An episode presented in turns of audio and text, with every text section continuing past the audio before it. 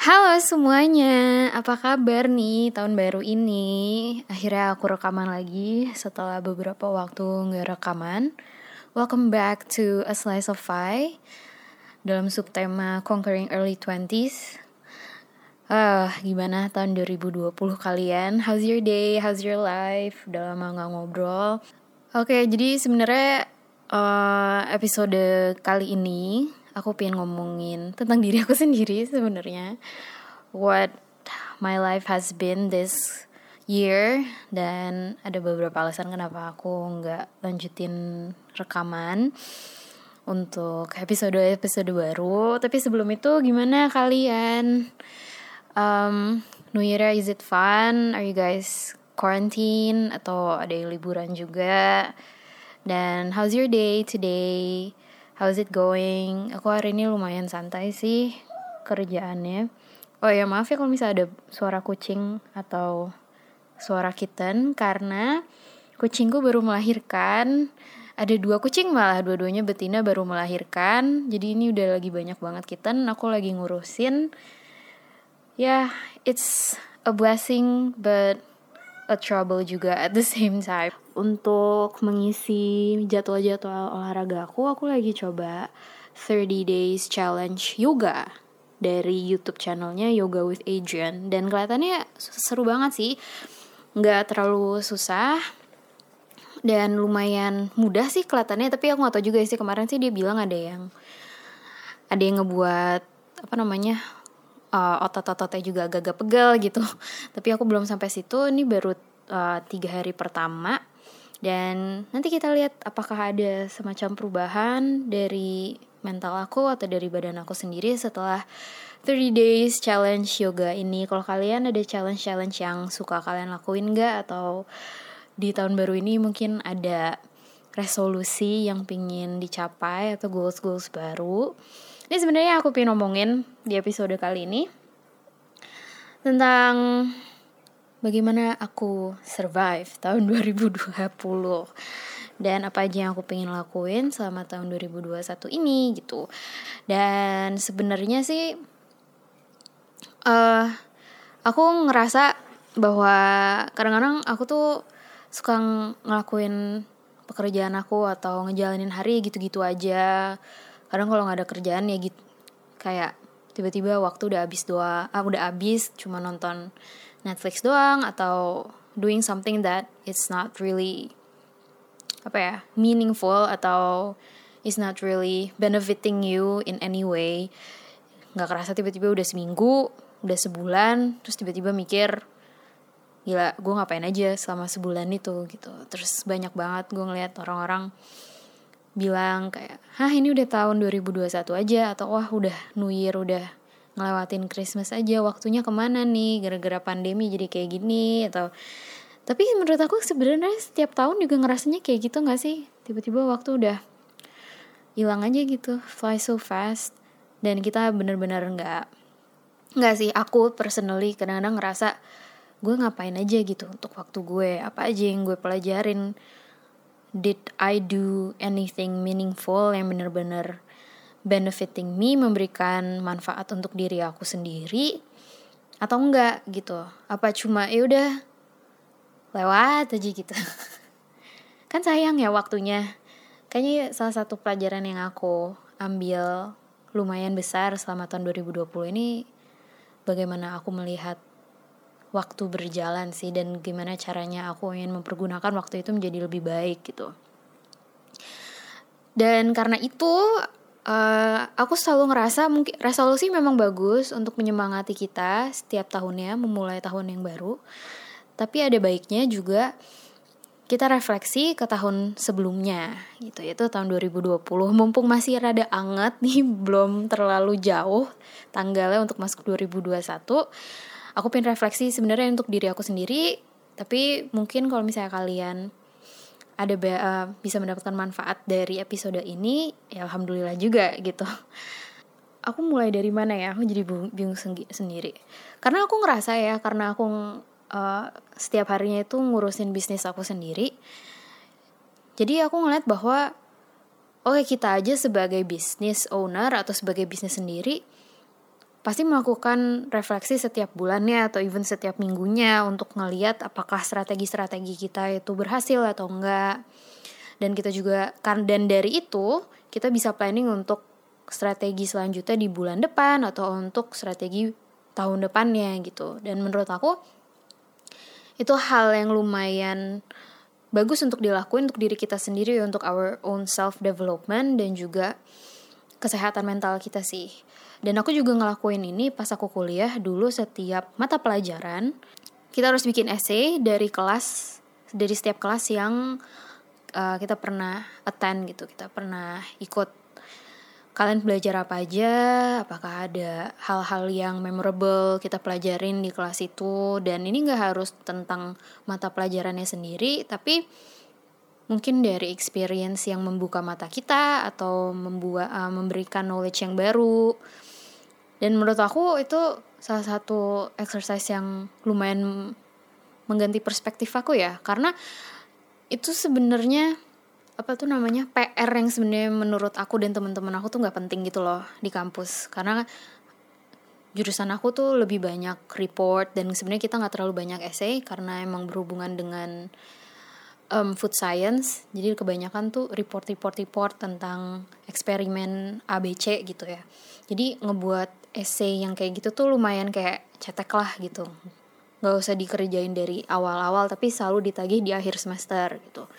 Nah dari situ aku belajar bahwa oh iya gue harus mikir lagi ya gue belajar apa lagi belajar apa aja gitu. Apakah ada hal-hal uh, seru atau yang membuka pikiran aku pada saat itu gitu. Dan aku pengen ngelakuin ini sekarang itu.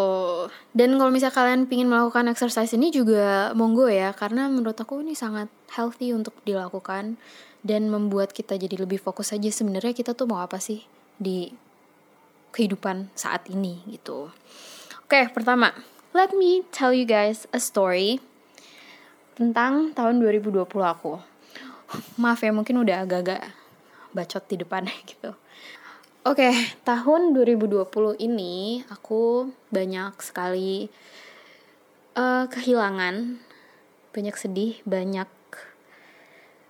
nangis, banyak stres, depresi. Ini yang jeleknya dulu ya, nanti kita yang ke bagusnya. Dan hmm, aku nggak tahu bahwa aku mempunyai kekuatan sebesar itu untuk ngelaluin semuanya ini gitu. Di tahun 2020 itu sebenarnya masih santai lah ya. Aku sempat ke Bandung untuk datang ke uh, graduation sahabat aku. Dia baru lulus tahun ini. Yeah, we had fun dan setelah itu tiba-tiba lockdown aja gitu. Dan itu masih Februari. Dan aku inget banget di awal Maret itu aku masih ke kawinan acara kawinan temen aku. Tiba-tiba pas aku ulang tahun tanggal 31 Maret itu udah lockdown aja dan aku nggak bisa ngapa-ngapain gitu. Yang biasanya aku bisa makan bareng teman-teman aku dan lain-lain. Tapi aku menemukan kebahagiaan di ulang tahun aku sendiri dan aku menemukan cara yang paling tepat untuk ngebuat aku bahagia di waktu aku ulang tahun. Karena selama aku ini buka-bukaan aja yang uh, umur ya. Selama 25 tahun aku hidup aku belum pernah bener-bener uh, ngerasain kebahagiaan yang bener-bener kayak oh my god I'm so happy gitu. Kayak oh my god bener-bener excited seneng dan bahagia pada saat ngerayain ulang tahun aku. Menurut aku semuanya tuh meh. Ya kecuali pas aku kuliah sih pas aku ulang tahun ke 21 itu lumayan seru tapi bahagianya tuh nggak yang sampai sekarang ya nggak nggak bisa dibandingin sama yang ulang tahun aku pas tahun 2020 ini. Aku menemukan apa yang sebenarnya penting buat diri aku pada saat ulang tahun, yaitu teman-teman aku dan bagaimana caranya mereka bisa ngebuat aku seneng. Jadi um, aku nggak minta kado yang macem-macem, aku cuma minta pada saat itu tuh nggak tahu kenapa aku lagi hype banget tentang film bebas dan aku pingin ada project kecil-kecilan. Dan aku tuh selalu uh, ini sebenarnya agak-agak childish tapi bear with me. Aku tuh pingin banget kayak nari bareng kayak di film bebas kayak gitu. I know ini norak dan semua temen-temen aku ngerasa ini kayak norak banget tapi itu lucu aja menurut aku dan film itu bagus banget. jadi aku pingin aku sama teman-teman aku nggak memandang gender pokoknya semua teman-teman dan sahabat-sahabat aku aku pingin belajar mereka belajar si tarian bebas itu terus kita nari bareng pokoknya intinya gitulah intinya aku sebenarnya pingin memaksa mereka pas aku ulang tahun kalau emang dirayain memaksa mereka untuk nari bareng aku. Tapi karena uh, pandemi jadinya aku suruh mereka nari kirim videonya terus ke aku gitu. Terus aku minta kirimin surat individually dari mereka satu-satu kirimin ke aku. Dan itu bener-bener ngebuat aku seneng banget karena aku bener-bener suka banget handwritten letters. Dan kayak yaudah lo kasih tahu aja apa yang ada dalam pikiran lo kasih ke gue. Dan it turns out it made me so happy. Dan to be honest aku tuh jarang banget dapet kue ulang tahun. Nggak pernah yang namanya nggak pernah dapet bunga pas ulang tahun. Kue pun lumayan jarang. Bukan yang kayak oh aku dapet balon konfeti dan lain-lain. Aku nggak banget kayak gitu. Dan aku juga nggak minta karena aku ngerasa kalau dikasih kue ulang tahun tuh nanti nggak habis. Tapi I don't mind kalau dikasih ya. Aku tetap terima. Dan aku juga suka makan kue. Tapi nggak banyak orang yang kasih kue juga gitu ke gue. Tapi intinya adalah I'm so happy. Dan finally I can feel so happy in my own birthday gitu. Karena selama ini aku tuh selalu mencari apa ya kegiatan ke sorry kegiatan yang benar-benar bisa bikin aku seneng pas aku ulang tahun. Wah oke udah. Lewat. Nah mulai dari sini udah agak-agak menurun gitu. Intinya pokoknya uh, I don't want to make this episode too long. Jadi aku itu dari kecil sampai gede digedein sama uh, eyang-eyang aku.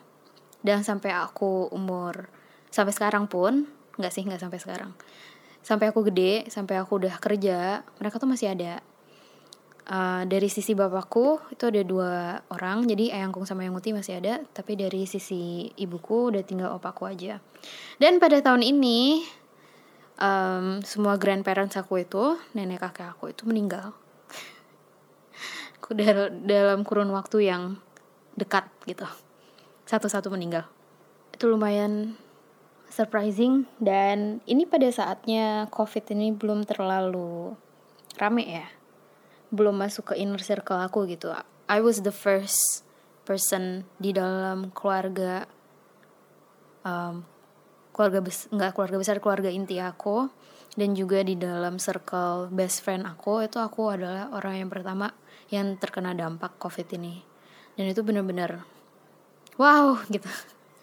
Kalau dibandingin sama sekarang sih gue ceritanya udah senyum-senyum ketawa-ketawa sendiri ya. Ngelihat apa sih kayak mikirin balik kejadian-kejadian itu gitu. Tapi pas saat itu sih bener-bener kacau sih. Karena itu pertama kalinya gue ke Pondok Rangon ngeliat kondisinya kayak gimana. Ambulans setiap berapa jam sekali dateng gitu.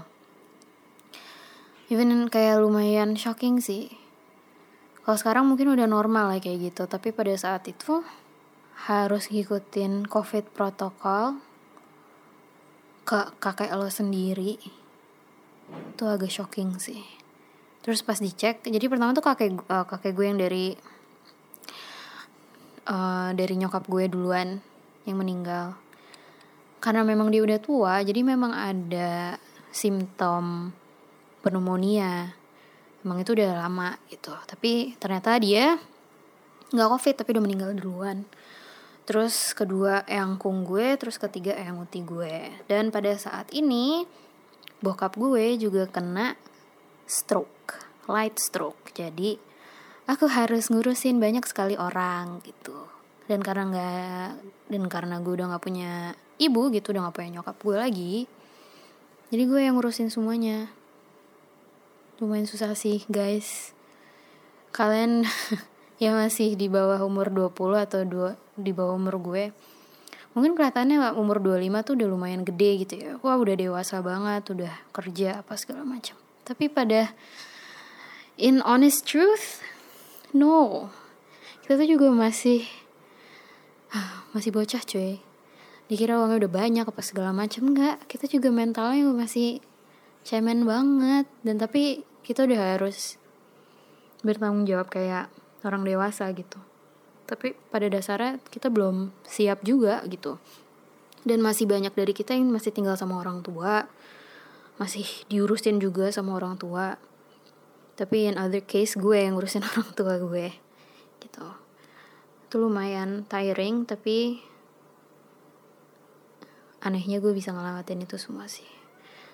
Dan gue tahu pasti banyak banget lo semua di luar sana yang pernah ngelaluin hal yang mirip sama gue. Dari itu teman atau keluarga terdekat atau orang yang kalian cintai terkena covid juga.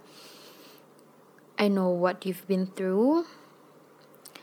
Atau mungkin diri kalian semua atau diri kalian sendiri gitu. I know what you've been through and I understand gitu. And you're strong. You're strong enough. You are really strong to get through that gitu. Kalian kuat dan kalian bisa di sini gitu sekarang. Oke, okay, jadi agak melo.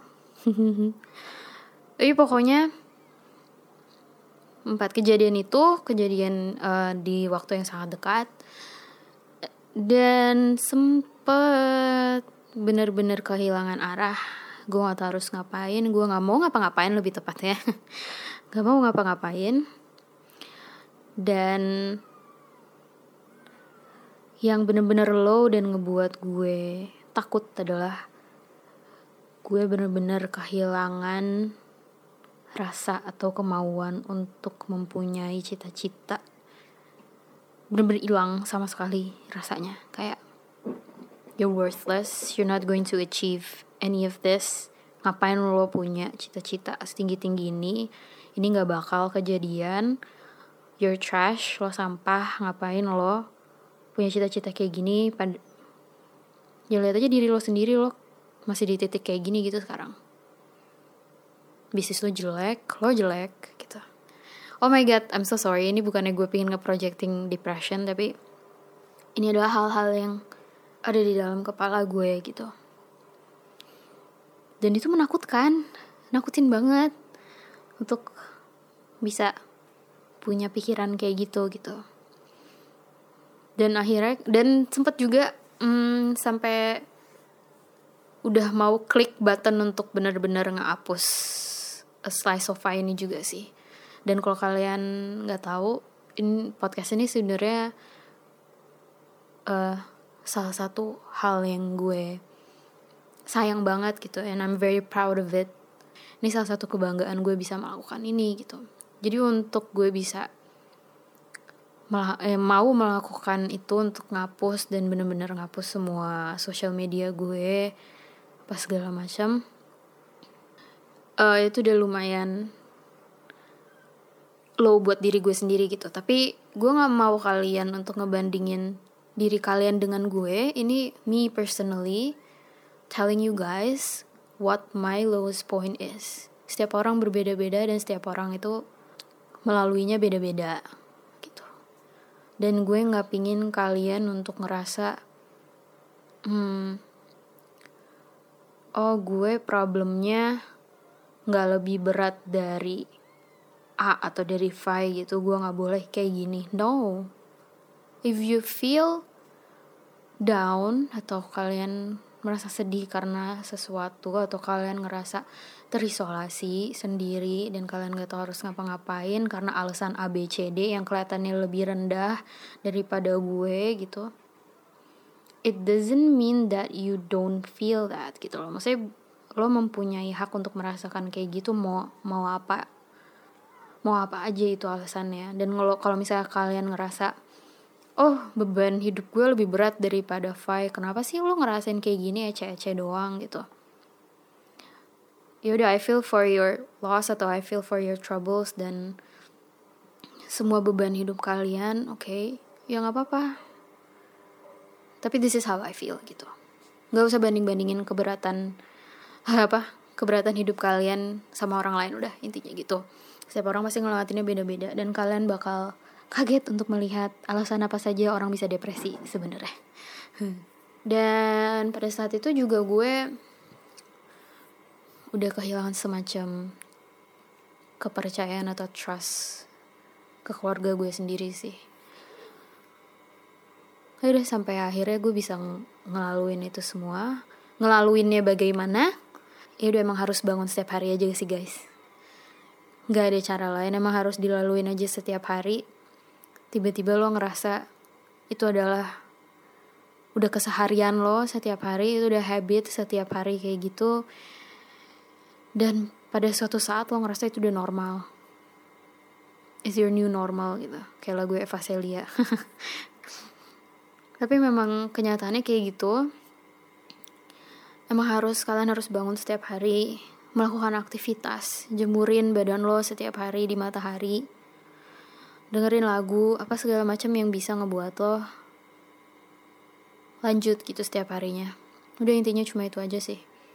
Oke okay, jadi uh, tadi kayaknya lupa kasih tahu in konteks kenapa gue bisa sedih ini padahal kayaknya cuma loss gitu aja gitu. Selain uh, kakek nenek gue meninggal yang uti gue yang paling terakhir meninggal itu itu karena covid. Dan pada saat positif ketahuan positif kita semua tes satu keluarga dan ternyata bokap gue juga positif jadi gue ngerasa kayak waduh gitu. Dan kenapa gue bisa sampai sekecewa itu dan sesedih itu? Karena gue sebagai anak muda yang tinggal di satu rumah gitu sama yang gue tuh gue jaga banget setiap apa ya aktivitas gue gitu. Gue sampai benar-benar ngejaga apa kayak waktu gue keluar dan siapa aja yang bisa ke rumah gue. Even sampai gue ngejadwal gitu uh, belanja tuh at least seminggu sekali nggak boleh lebih gitu. Sedangkan ada beberapa anggota keluarga gue tuh nggak kayak gitu gitu. Dan juga health precaution atau ya pokoknya intinya mereka tidak melakukan semaksimum itu menurut gue.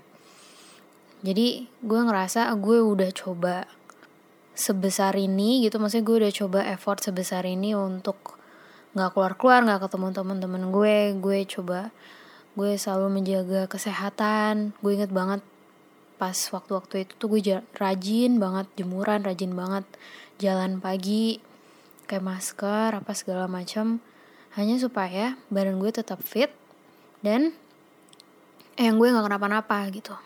Karena ya ya maksudnya kita udah tau udah harus tahu gitu kondisinya ada dua orang dua orang yang sangat lansia dan untuk take into konteks ya yang gue tuh umurnya udah 90 lebih hampir 95 tapi dua-duanya masih diberi kekuatan untuk bisa sampai umur segitu dan ya gue bersyukur lah dan makanya karena gue ngerasa gue bertanggung jawab di situ. Gue melakukan berbagai effort untuk tidak sampai sakit gitu loh. Tapi ya tetap kena. Jadi makanya rasa kecewanya tuh gede banget. Karena ya udah ngapain gue kayak gini gitu? Ngapain gue kasih effort segede ini cuma untuk akhirnya yang gue sakit juga? Padahal maksudnya gue udah coba ngasih tahu gitu.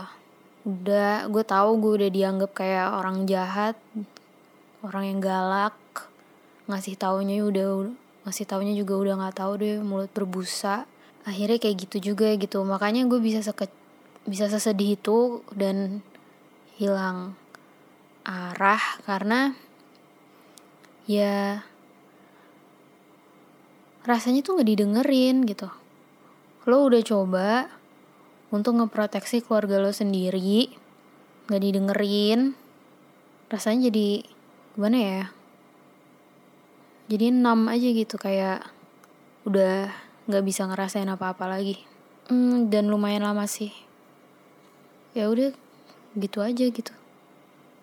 Gue nggak tahu nggak tahu harus ngapain lagi. Mungkin cara gue berkomunikasi juga salah. Tapi kalau udah kayak gitu bingung juga sih udah mau komunikasinya kayak gimana dan ini gue juga masih kondisinya juga masih agak kalang kabut karena as I said before, bokap gue juga baru kena stroke ringan, baru masuk rumah sakit beberapa bulan sebelum. Dan dia hampir kena serangan yang satu lagi. Enggak, malah udah kena serangan satu lagi. Jadi dua serangan berturut-turut. Jadinya gue mencoba pada masa-masa ini gue lagi coba untuk urusin bokap gue. Ternyata yang gue kondisinya kayak gini. Ya pokoknya amburadul lah banyak hal yang harus gue urusin keluarga gue urusin ya dan gue juga kesel banget pas tahu bokap gue uh, kena light stroke karena udah lama banget gue kasih tahu dia untuk makan yang lebih sehat ketemu dokter apa segala macam tapi nggak pernah didengerin. Jadi ya as you can imagine kalau yang kalian punya orang tua juga kalian bisa tahu lah boomers kayak gimana kalau dengerin anaknya. Tapi mungkin dia nggak semuanya ya tapi ya itulah kondisinya. Dan tiba-tiba dari situ aku mendapatkan banyak sekali rezeki yang aku nggak pernah plan aku temuin gitu. Dan ini bukan bukan termasuk goal-goal yang pernah aku masukin ke dalam tahun 2020 kayaknya aku nggak bikin resolusi juga deh tahun 2020 ya aku nggak bikin resolusi tahun 2020 jadi aku tiba-tiba dapat um, dapat ads sebenarnya. Ada kompetisi food startup gitu. So ya udah aku nekat aja ikut gitu. Eh tiba-tiba masuk 20 besar. Walaupun gak menang tapi it's a good experience karena dapat mentoring juga. Dan dari mentoring itu jadi dapat banyak ilmu untuk um, bisnis aku sendiri kan. Ya udah dari situ jadi apa namanya knowledge-nya jadi kebuka aja gitu pikirannya jadi terbuka jadi tahu harus ngapain. Soalnya ke beberapa waktu ini selama setahun 2020 ini sebenarnya aku masih agak bingung kan kayak gimana cara ngembangin bisnis makananku jadi lebih besar gitu. Expandnya gimana apa segala macam dan itu semua terjawab gitu dari kelas itu. Pertama kali tuh sebenarnya aku sama teman-teman aku yang partners aku di bisnis aku yang sekarang ini nggak berharap banyak sih. Cuma kayak ha, kayaknya kita bisa ikut ini why not gitu. Akhirnya ya udah ikut aja. Nggak berharap banyak cuma pengen lucu-lucuan aja sebenarnya nggak lucu-lucuan juga sih kayak ya kita pengen tahu lah apakah kita sanggup dan in terms of business apakah kita mampu untuk bisa ikut ini atau enggak oh ternyata ngelewatin uh, prosesnya jadi ada beberapa proses gitu kan. Uh, pendaftarannya ke approve atau enggak dari kalau ke approve kita harus pitching dari pitching kita bisa masuk ke 20 besar itu. Nah pas kita ke approve ke stage selanjutnya tuh kayak oh my god kenapa bisa kayak gini? Terus tiba-tiba kita harus pitching itu juga pertama kali aku pitching nggak ngerti sama sekali tapi we got through it. Tiba-tiba masuk 20 besar and it's such apa ya aku seneng banget sih karena ternyata in terms of business kita bisa gitu sampai tahap ini gitu. Ya udah dari situ aku um, uh, apa tuh namanya mengaplikasikan semua ilmu-ilmu yang aku dapat saat mentoring itu sampai akhirnya pada titik ini sekarang gitu dan kayak gue ceritanya basic banget gitu ya tapi Nanti untuk lebih lanjut dan lebih jelasnya lagi untuk setiap ceritanya aku bakal masukin di eh, episode-episode selanjutnya guys. Jadi ditunggu ya. Nah untuk kalian yang kalian bingung in terms of business F&B ya apalagi dan F&B-nya kan kita ada dua macam nih. Ada F&B yang food service sama F&B yang food manufacture perbedaannya adalah kalau misalnya food service itu seperti makanan-makanan di restoran jadi makanan yang harus dimasak terus disajikan gitu ya. Maka namanya makanan yang berbasis service gitu. Dan juga ada yang food manufacture. Nah, kalau misalnya food manufacture itu makanan yang sebenarnya di um, produksi secara massal. Contohnya kayak biskuit, minyak, margarin, mie instan dan lain-lain. Nah, yang kemarin aku ikut itu itu lebih ke food manufacture. Jadi produk-produknya yang lebih untuk uh, produksi massal, bukan untuk food service. Jadi bukan untuk makanan yang bisa dikirim, digojekin dan lain-lain gitu ya. Nah, I was a little entrepreneur tip untuk kalian para F&B entrepreneurs gitu. Kalau misalnya kalian pingin expand mau itu food service atau um, food manufacture dan kalian gak tahu harus cari kenalan lagi di mana, pingin nambahin network apa segala macam, coba deh cari kalian cari-cari lomba kayak gitu, kayak food startup, food startup seperti itu karena itu ngebantu banget sih untuk mentoringnya, untuk tambah koneksi, untuk tambah network. Jadi kalian jadi tahu orang-orang yang di dalam industri kalian tuh siapa aja.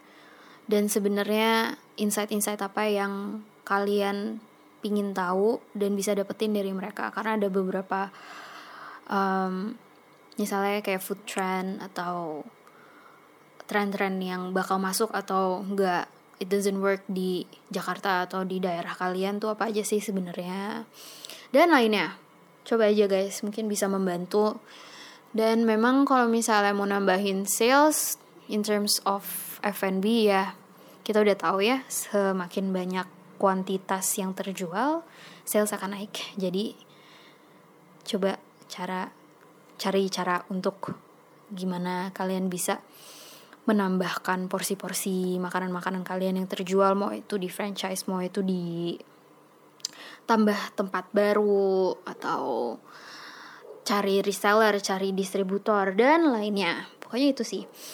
Oke, jadi intinya aku ngerasa aku sebenarnya kayak nggak sih bukan aku baru sadar bahwa aku mempunyai kekuatan yang sebesar ini potensi sebesar ini yang nggak pernah aku tahu sebelumnya dan pada saat aku di titik terendah aku itu teman aku bilang gak sih sahabat aku bilang I know you've been kayak aku tahu kamu lagi ya pokoknya hancur banget lah atau lagi sedih banget. Tapi aku percaya bahwa semua yang kamu laluin sekarang itu bakal ngebuat kamu lebih kuat di depan harinya gitu. Dan betul, sahabat aku itu betul, benar. Dan aku ngerasa jadi lebih kuat. Aku bisa ngelaluin apa aja. Dan aku ngerasa juga pasti kalian juga ngerasa kayak gitu sih. Kalau misalnya udah pernah ngelaluin covid atau masa-masa terendah dalam kehidupan kalian. Yes. Kayaknya itu aja. Dan gara-gara semua kejadian itu di tahun lalu, aku jadi lebih fokus tahun ini. Aku jadi punya goals-goals baru. Aku gak pingin bilang itu resolusi. Aku pingin bilang itu goals. I don't know why. Tapi ada goals-goals atau tujuan-tujuan yang lebih jelas yang aku pengen capai dan dimulai dari a slice of pie ini gitu. Uh, hopefully I can give you, I can share with you every new episode uh, in the uh, in a year, in every week. Dan ada beberapa platform baru yang aku bakal share ke kalian. Very exciting. Dan ada beberapa um, media. Nggak sih itu platform. Sekarang media. Eh sama aja ya.